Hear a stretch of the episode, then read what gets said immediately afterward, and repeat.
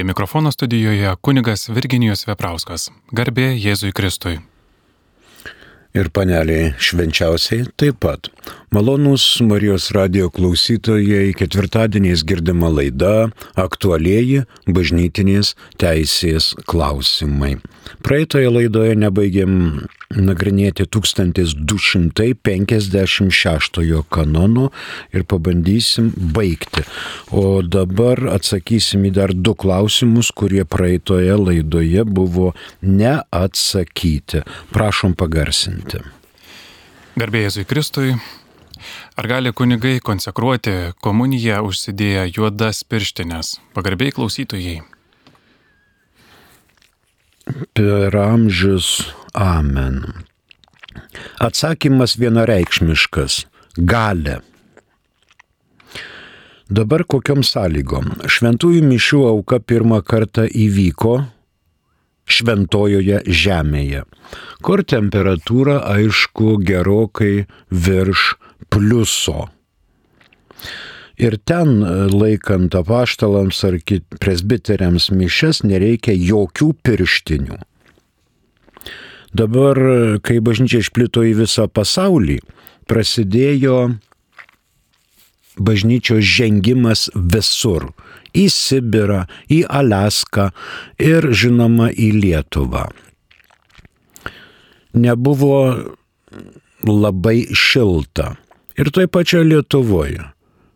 Žiemą laukia minus 15, akmeniniai bažnyčiai minus 20. Kunigui yra iškėlus rankas laikyti kieliką gana šalta. Todėl kunigas kartais dėvi pirštinės. Juodas, baltas, nesvarbu kokias. Ir konsekruoti galima užsidėjus pirštinės. Pavyzdžiui, šeimininkė ant juodų pirštinių išsiuvinėjo eucharistinius simbolius. Na, gražios piršnaitės galima su juom. Tik tai viena bėda. Kai kunigas liečia pavydalus, tai tie ten 2-3 pirštai vienoj ir 2-3 pirštai kitoj rankoje turi būti apnuoginti. Pirštinės neturi dengti pirštus. Konsekruot galima duoną, konsekruoti galima vyną ir galima konsekruoti netgi su pirštinėmis, bet su sąlyga, kad būtų pirštai nuogi. Aišku, jeigu pastebėjote, kartais medžiotojai turi tokias pirštinės, kur visi pirštai uždengti, bet lemiamų momentų, pavyzdžiui, šūvio momentų, mm, tokie kapišonėliai nusijima ir pirštai lieka nuogi. Ta pati gali daryti ir kunigas. Iš vis dėl šalčio kunigai sugalvoja įvairiausių dalykų kad pavydalai neužšaltų kielikę. Tai Zakristijonas įkaitina akmenį, ir tą įkaitintą akmenį padeda po kieliku. Ten yra laikikliukas, kad kielikas būtų sujungtas su įkaitintu akmeniu ir metalas būtų per visas mišes šiltas. Nes kartais kyla pavojus, kad gali ir pavydalai užšalti. Man asmeniškai taip pat yra buvę variantų, kai purguojant užšalo kielikę reiškia, užšalo kielikė. Tai ką tada darai? Uf, uf, puti, puti, rankom šildai, šildai, kol atitirpsta, ranka atšala, kielikas atšyla ir tada galima toliau tęsti liturginės apėgas.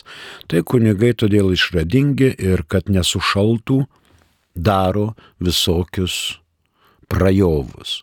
Dabar yra kitos priemonės ir kur kunigas stovi, galima kilimėlį pasidėti, kad e, su šlapiom su apavu su šlapiu neperšaltų. Ir po kėliku yra elektra šildomas kėlimėlis, kuris šildo, kad kunigui nebūtų ir rankom, ir kėlikui šalta. Taip kad iš principo galima su juodom pirštinėm, galima su baltom pirštinėm, dažniausiai tai konsekruojama ir duona, ir vynas be pirštinių. Bet galima. Prašom, kitas klausimas. Ar Jėzaus tėvai taip ilgai turėjo laukti tvartelį išminčių, jų karavanai keliauja savaitėmis? Karavanai taip eina savaitėmis. Čia klausimai yra netikslumas. Jėzaus ne tėvai, bet Jėzaus gimdytojai. O kur jums parašyta, kad turėjo laukt tvartelyje? Nėra tokių informacijų, kad turėjo tvartelyje laukt, kol karavanas ateis jiems niekas nepaskambino su mobiliaku ir nepasakė, palaukit e, savaitės ar mėnesius, jau ten rytų išminčiai pradeda formuoti kupranugarių vilkstinės ir pradeda eiti lankyti Jėzaus. Ne, jie tęsi savo darbus, o išminčiai iš rytų šalies ėmė ir atėjo. Netikėtai, prieš tai aplankę aišku Erodą. Įsiaiškino, kur čia tas, kur turėjo gimti žydų karalius. Tai taip, po savaitėmis, tai čia nežinau, iš kur jūsų paimė tą informaciją. Ačiū. Dabar dar vieną klausimą taip turite. Prašom. Klausytojas Jonas iš Klaipėdos klausė, kas pagal bažnyčią šeimoje turi paklusti - žmona vyrui ar vyras žmonai? Ne vienas, nei kitas neprivalo klausyti. Vienas ir kitas privalo vienas kitą mylėti. Yra žinoma įsakymas, kad moterys te klauso vyrų. Bet tai nėra absoliuti nuoroda, kad vyras nepasijustų diktatoriumi. Vyrams yra įsakymas - mylėkite savo žmonas. Mylinti žmona, kuri žino, jaučia, mato, kad ji yra mylima šeimoje, ji paklūsta vyrui. Tada viskas tvarkoj. Bet jeigu vyras žmonos nemyli, tik įsakinėja ateik čia, atkelk vartelius, neskaniai padarai ir maistą, neprižiūri vaikų ir panašiai, panašiai, jau čia yra konfliktinė, trauminė situacija šeimoje. Vyras ir moteris meilėje turi vienas su kitu gyventi. O dabar paklusti, Niekas iš mūsų nenori kažkam paklusti. Despotui, imperatyvui, tam, kuris įsakinėja, nurodinėja. Spjoviau ir neklausau, kodėl čia man turi nurodinėti. Bet jeigu mane vyras myli kaip žmona, aš tada jo klausau. Jis myli, jis pasirūpins viskuo. Ačiū. Dar turim kokį klausimą. Neturim klausimų. Tada eikime prie 1256, kurio praeidoje laidoje nepabaigėme. Trečia paskutinė mintis. Popiežius turi, čia dėl bažnyčios laikinųjų gerybių, prižiūrėtojo teisę. 1917 m. kanonų teisės kodekse reglamentavo šią mintį 1499 kanonas ir ten buvo pasakyta, kad prižiūrėjimo teisę turi apaštalų sostas. Dabar redakcijoje popiežius turi prižiūrėjimo teisę. Dėl bažnyčios misijos realizavimo ir bažnyčios vienybės. Galime pasižiūrėti į 1273 kanoną. Romos popiežius valdžios primato gale yra aukščiausias visų bažnytinių gėrybių administratorius ir skirstytojas. Taigi aukščiausias administratorius ir skirstytojas. 1917 m. kanonų teisės kodekse, kaip girdėjote, tai buvo reglamentuota 1499 kanonu. Dar galime pasiskaityti 1259. Bažnyčia gali įsigyti laikinųjų gyrybių visais teisėtais, prigimtinės ir pozityviosios teisės būdais, kuriais tai galima kitiems. Rytų kanonoje, kanonuose atitikmuo šiam 1256 yra 1008 kanonas. 1256 fiksuojame. Gerybių nuosavybė, vadovaujant aukščiausiai Romos popiežiaus valdžiai, priklauso tam juridiniam asmeniui, kuris šias gerybės teisėtai įsigijo. Kitas 1257 turi du paragrafus. Pirmasis. Visos laikinosios gerybės priklausančios visuotiniai bažnyčiai, apaštalų sostui ar kitiems bažnyčioje esantiems viešiesiems juridiniams asmenims yra bažnytinės gerybės ir tvarkomos toliau išdėstytų kanonų ir savų statutų.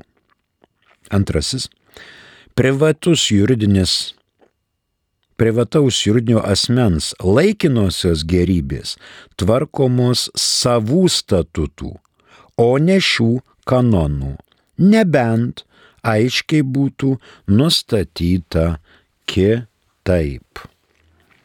Taigi 1257.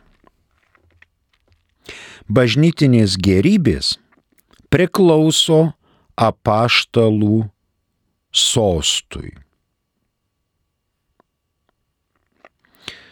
Dabar kitos gerybės priklauso viešiems juridiniams asmenėms, o privačios, privačių juridinių asmenų gerybės tvarkomos savųjų statutų.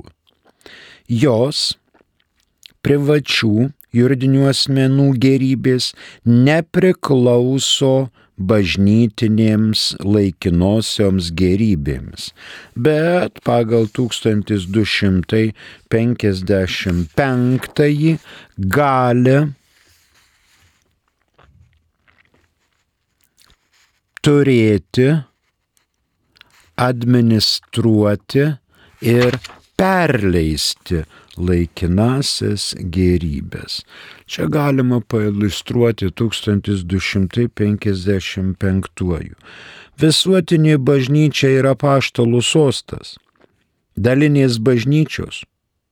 Ir bet koks kitas tiek viešas, tiek privatus juridinis asmuo yra subjektai pajėgus įgyti, turėti, valdyti, administruoti ir perleisti laikinasias gerybės pagal teisės normą. Taigi gali. Dabar tokia mintis ir mes pasižiūrėkime į 116 kanoną. 116 kanonas pirmas paragrafas.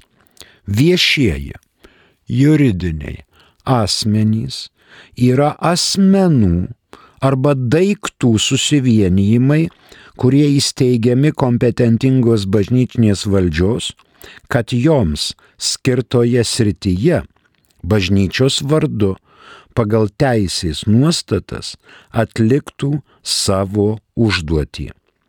Jiems patikėta atsižvelgiant į viešąjį gėrį. Kiti juridiniai asmenys yra privatus. Mus pasiekė dar e, žinutė, prašom. Klausimas, ar įmanoma vienpusė santoka su musulmonu? Įmanoma.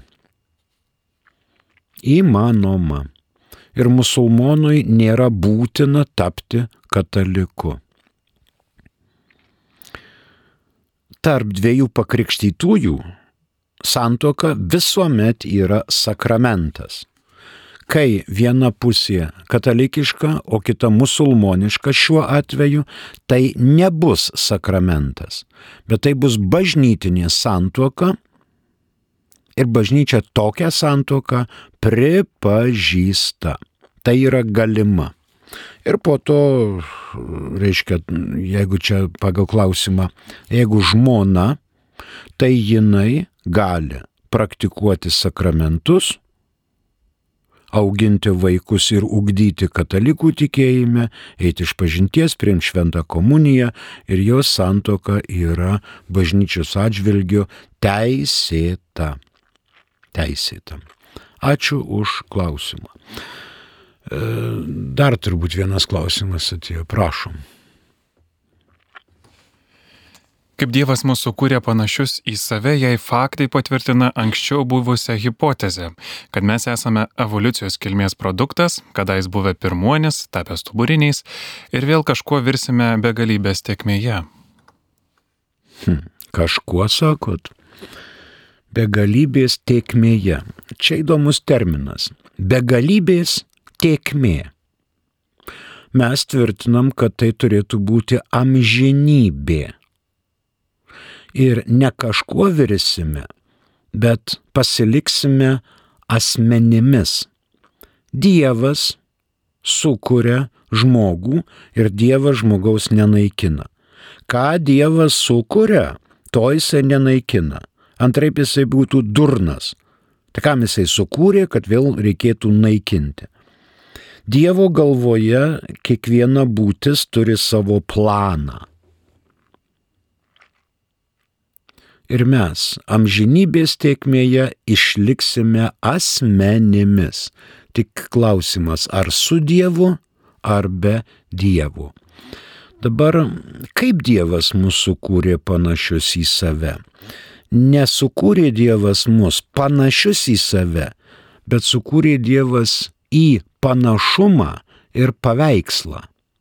Maždaug, na, į tą pusę o realizuoti kiekvienas žmogus privalo pats. Dabar faktai patvirtina anksčiau buvusią hipotezę, kad mes esame evoliucijos kilmės produktas. Jau ketvirtame amžiuje Augustinas Šventasis Augustinas aiškiai tvirtino, kad Dievas yra laisvas savo pasirinkime ir nebuvo taip, kad pasėmė molio kibirą ir nulipdė žmogų, vyrą ir moterį. Aišku, kad evoliucijos kilmės procesas. Ta evoliucija reglamentavo viešpats Dievas. Kažkada buvom amebos, pirmuonys, bestuburiai, išlipom iš vandens, turėjom visokius ten instinktus Bet atėjo Dievas per Bibliją ir pasakė, žmogau, tu sukurtas į mano paveikslą ir panašumą. Tu gali daryti skirtumą. Tu šešias dienas dirbk, septintą ilsiekis. Šabas. Tai vad šitas dalykas ir padaro žmogų žmogumi. Kai žmogus pradėjo galvoti, o ką man reikia daryti, kad aš šešias dienas dirbčiau, o septintą mano žmona, mano vaikai turėtų maisto, o aš su šeima, vaikai, žmona galėčiau ilsėtis. Ir kodėl aš taip turiu daryti? O todėl, sako Dievas, kad aš šešias dienas kūriau pasaulį, septintą ilsėjausi. Tai mes taip ir mastome. Pasėmė lopetą viešpats, pradėjo kasti griovį, kūrė pasaulį, šešias dienas plušėjo, prakaitas varvėjo, o septintą dieną atsisėdo ant sofos, gėrė espresą ir žiūrėjo futbolo čempionatą. Tokio Dievo nėra, tokio Dievo neįsivaizduojame, tokio Dievo būti negali. Tačiau žmogui buvo atnešta sankcionuota septynių dienų savaitė. Šešias dirbk, septintą ir siekis. Va tada pradėjo žmogus galvoti, o ką man daryti? Kaip aš tai turiu padaryti? Kaip ir mes važiuojame automobiliu, žalia šviesoforas, viskas valio pirmin. Tik tai geltonas raudonas, kertam per veidrodėlius, per stabdžius, per pavarų svirtelę, stojame. Tai mus priverčia galvoti, ką daryti. Tada atsirado kažkada ten sūriai, vytinta mėsa, kad šešias dirbčiau, septintą ilsėčiausi, dabar šalytuvai, mikrokosmosas, makrokosmosas, povandeniniai laivai, satelitai ir taip toliau. Nuo to poreikio, kad žmogus pradėjo galvoti, jisai atsisakė instinktų, nes jis yra sukurtas į Dievo paveikslą ir panašumą, ir jis įgavo laisvą valią iš Dievo. Iš Dievo. Ačiū. Dar kažką turime, prašom. Jeigu žmogus kas antras žodis arba ištisai keikiasi, ar tai apsėdimas ar ne? Negaliu pasakyti, nesu egzorcistas, bet jeigu ištisai keikiasi, yra požymių, kad gal tai jo per jo asmenį kalba ir piktoji dvasia. Nežinau, bet tai yra jau požymis. Ačiū. Na, kas dar toliau? Jaroslav rašo iš Vilniaus. Ar Jėzus visus žmonės mylėjo tik agapę meilę, ar jo prigimtyje buvo irgi eroso meilė? Kaip jaunam vyrui sujungti eroso ir karito meilę? Jėzaus pavyzdžių. Jėzaus pavyzdžių. Jėzaus kaip žmogaus prigimtis buvo sujungta su dieviška prigimtimi ir tai yra hipostatinė vienybė. Jėzus buvo pilnas žmogus, išskyrus nuodėmę. Išskyrus nuodėmę. O jaunam vyrui, nu tai jeigu nemoka sujungti, jeigu ženijasi, tada supras tikros meilės tarp žmonių svarbą ir turės teisę į moters kūną. Ačiū. Dar vienas klausimas. Prašom. Gerbiamas kunigė, kas jums asmeniškai Pijus X ir jo kunigų brolyje? Jeigu atsakysite, ačiū. O klausia, kas šito? Artija. Ai, Artija. Artija Marijos radija įsteigta ne tam, kad čia skleistų asmeninę nuomonę kieno nors. Bet Marijos radijo bangomis mes girdime autentišką bažnyčios mokymą. Šventasis popiežius Pėjus X yra katalikų bažnyčios šventasis. Dabar jo vardu yra pasivadinusi taip vadinama kunigų bendryje, brolyje, kuri jokios kanoninės padėties katalikų bažnyčioje neturi. Tai yra katalikiška sekta. Taip tai yra krikščionys, bet jie neturi ryšio su katalikų bažnyčia, kad būtų parapija, dekanatas, vyskupija, abatija, kongregacija ar dar kas nors tokio.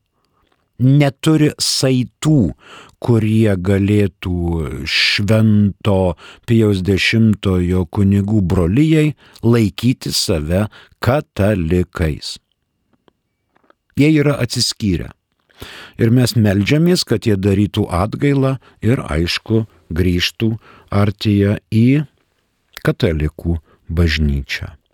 Ačiū už klausimą. Dar turime? Prašom.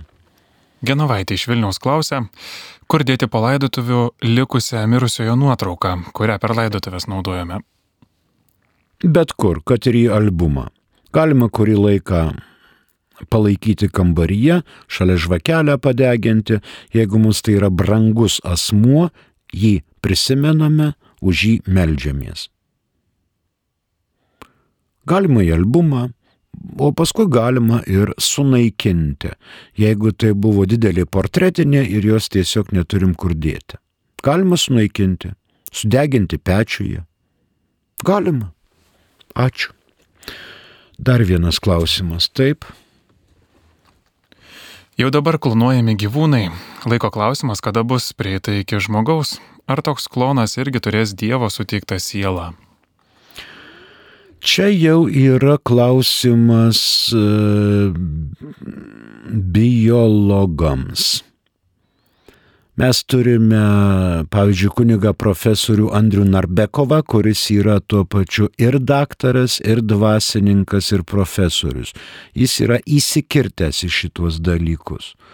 Bet ar turės Dievo suteiktą sielą ar neturės, man dabar čia sunku pasakyti. Galiu pasakyti tik tai, kad kiekviena žmogiška gyva būtybė nuo pat prasidėjimo momento turi ne tik kūną, bet ir Dievo jai dovanotą sielą. Ir nemirtingą sielą. Siela turi visi - ir medis, ir šuniukas, ir arklys, nes siela yra gyvybės principas. O va, nemirtinga siela turi tik tai asmuo. Ir neaišku, ar klonuojant bus sukurtas asmuo, nes žmogų pajėgus sukurti yra tik tai Dievas. Žmogus nėra pajėgus sukurti žmogaus. Ačiū. Dar vienas, prašau. Kaip kanonai aiškina 1 Timotijaus laiško 3 skyriaus antrą eilutę. Ačiū, Gintautas rašo. Taip pat klausia, kaip suprasti laišką fiziečiams ketvirto skyriaus devintą eilutę. Jėzus nužengė į žemesnės sritis. Įdomus čia švento rašto citatos būdas - į žemesnės sritis. Prie negyvosios jūros ar kur nužengė į žemesnės sritis. Dabar paprašysime galbūt mūsų darbuotojai pacituos šituos dalykus, o į tą tarpą mes pažiūrėkim dar vienas klausimas atėjo. Prašom perskaityti. Richardas klausė iš Vilniaus, kas yra stipresnis egzorcistas, viskupas ar kunigas? Ar viskas priklauso nuo tikėjimo? Egzortai nėra sakramentas egzortas yra sakramentalija. Aišku, stipresnis egzorcistas be jokios abejonės yra vyskupas, nes jisai egzorcistui kunigui suteikia galės. Kiekvienas kunigas gali privačių būdų skaityti egzortus, teikti palaiminimą, prašyti, kad pikta dvasia atsitolintų nuo šito varginamo asmens ir taip toliau. Bet šiuo atveju kiekvienas kunigas neturi dangaus galybių paramos švento arhangelo Mykolo, šventųjų apaštalų Petro ir Pauliaus, panelės švenčiausios dangaus karalienės, visų apaštalų, išpažinėjų, patriarchų ir taip toliau. Kai vyskupas suteikia kunigui egzorcisto galę, tada dangaus galybės jau draugė su egzorcistu meldžiasi. Ir egzorcisto gale yra didesnė nei kad paprasto kunigo. Dabar dar keletas minčių yra, paprašykim perskaityti. Timot, pirmas Timotėjų laiškas Švento Paštlo Pauliaus trečios skyrius antra eilutė. O vyskupas turi būti nepeiktinas, tik kartą vedęs, blaivus, protingas, padorus, svetingas, gebas mokyti, negirtuoklis, nekivirčius, bet švelnus, nemėgstantis vaidytis, negodus. Taip. Ačiū. Dabar Efeziečiams ketvirtos skyriaus devinta eilutė. E, kol varto Bibliją, mes pasižiūrėsim, ar kur jūs čia matot, kad kanonai turėtų aiškinti? Turėtų aiškinti. Matot, kai Jėzus pradėjo savo žemišką veiklą, tai nebuvo palaidų vyrų, kurie būtų kokie senberniai ar nebūtų vedę. Todėl vyskupai tada, kaip ir apaštalai, buvo vedę. Šventas apaštalas Petras, pirmasis popiežius, buvo vedęs. Jėzus išgydė jo uošvienę.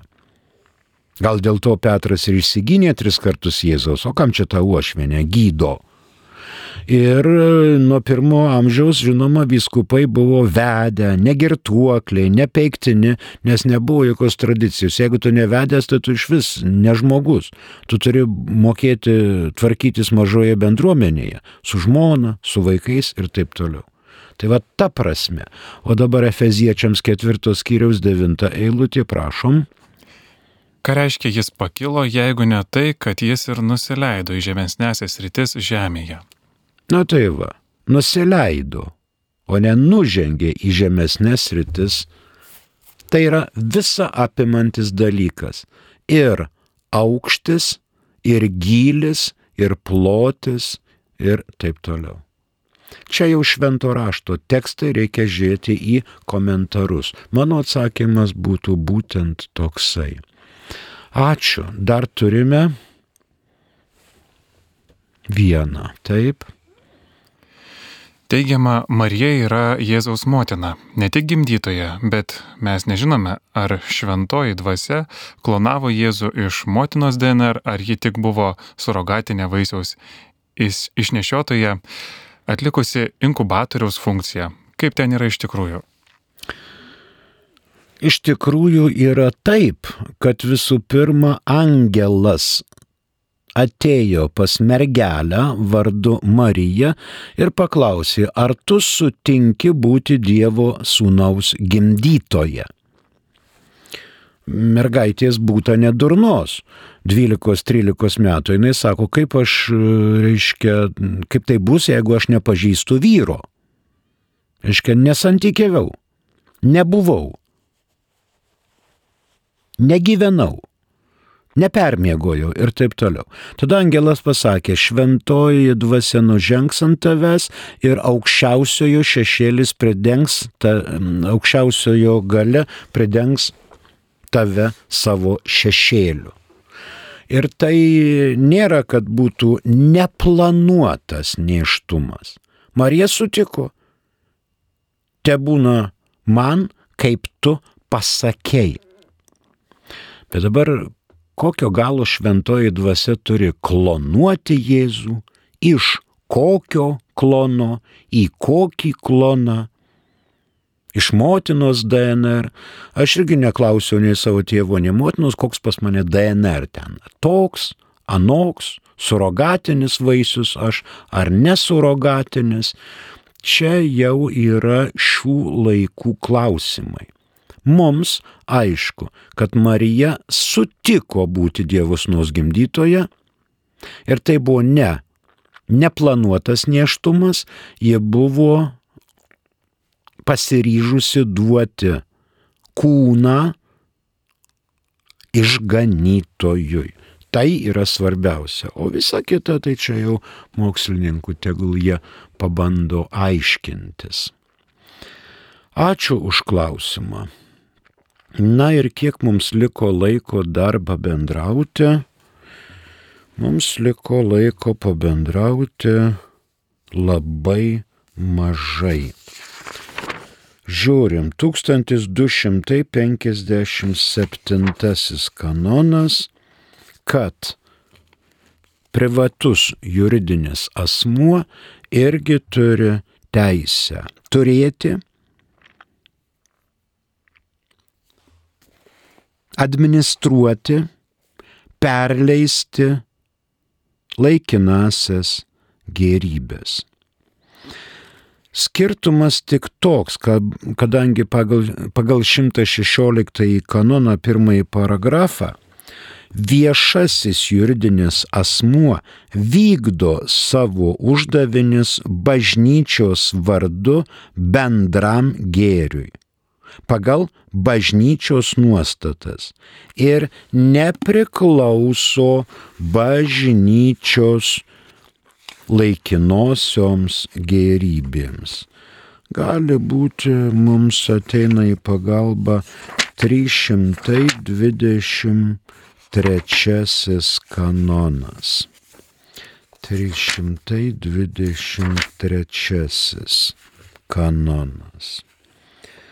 Nors privačios Kristaus tikinčiųjų asociacijos turi autonomiją pagal 321 paragrafą, norma jos yra prižiūrimos bažnytinės valdžios pagal 305 kanono normą ir paklūsta tos pačios valdžios vadovavimui. Ir mums antras svarbus bažnytiniai valdžiai taip pat priklauso, išsaugant autonomiją būdingą privančioms asociacijoms, prižiūrėti ir rūpintis, kad nebūtų veltui eikvojamos jėgos ir jų apaštalamimo vykdymas būtų kreipiamas bendram gėriui.